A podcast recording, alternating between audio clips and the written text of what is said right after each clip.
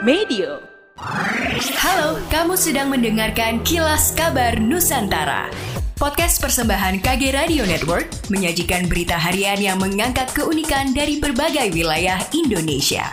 Kilas Kabar Nusantara dapat juga didukung oleh pengiklan loh.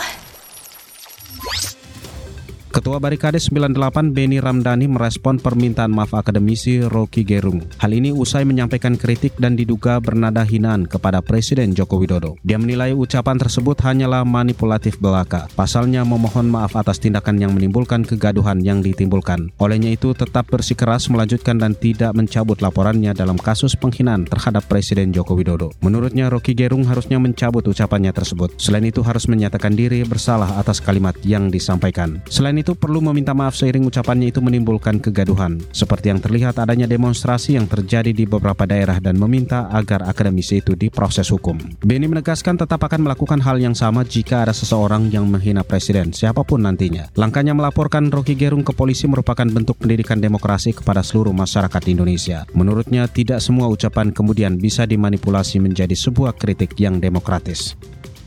Pemerintah Provinsi Sulawesi Selatan melalui Dinas Perindustrian dan Perdagangan di Sperindak mengekspor 36 komoditas andalan sebanyak 49,96 ribu ton dengan nilai 98,33 juta dolar Amerika atau setara 1,43 triliun rupiah. Ekspor kali ini melibatkan 82 eksportir dengan 34 negara tujuan. Pelepasan ekspor dalam rangka 354 tahun Sulsel itu dilakukan oleh Gubernur Sulawesi Selatan Andi Sudirman Sulaiman di Pelabuhan Peti Kemas, Jalan Nusantara beberapa waktu lalu. Andi Sudirman mengatakan porang merupakan salah satu komoditi sulsel yang cukup diminati pasar mancanegara. Permintaan ekspor porang lebih banyak ke China. Komoditi andalan Sulawesi Selatan yang juga memiliki pasar ekspor besar adalah nikel. Andi Sudirman mengakui ekspor nikel bahkan telah mendongkrak perekonomian Sulawesi Selatan. Diketahui Sulawesi Selatan memiliki sumber daya alam yang cukup melimpah untuk dapat diperdagangkan di pasar domestik dan internasional. Saat ini Sulawesi Selatan telah mengekspor lebih 250 komoditas dan produk andalan yang meliputi perikanan, pertanian, produk industri, dan produk tambang.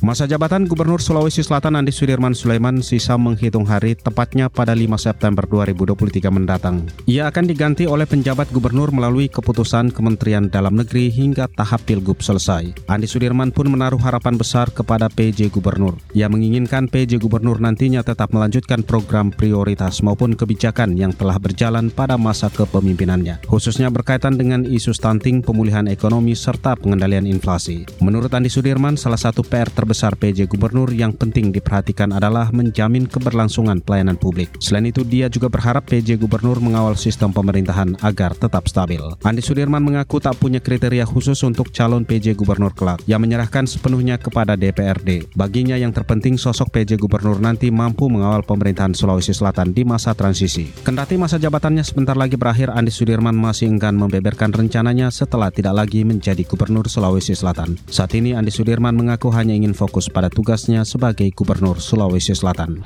Demikianlah kilas kabar Nusantara pagi ini.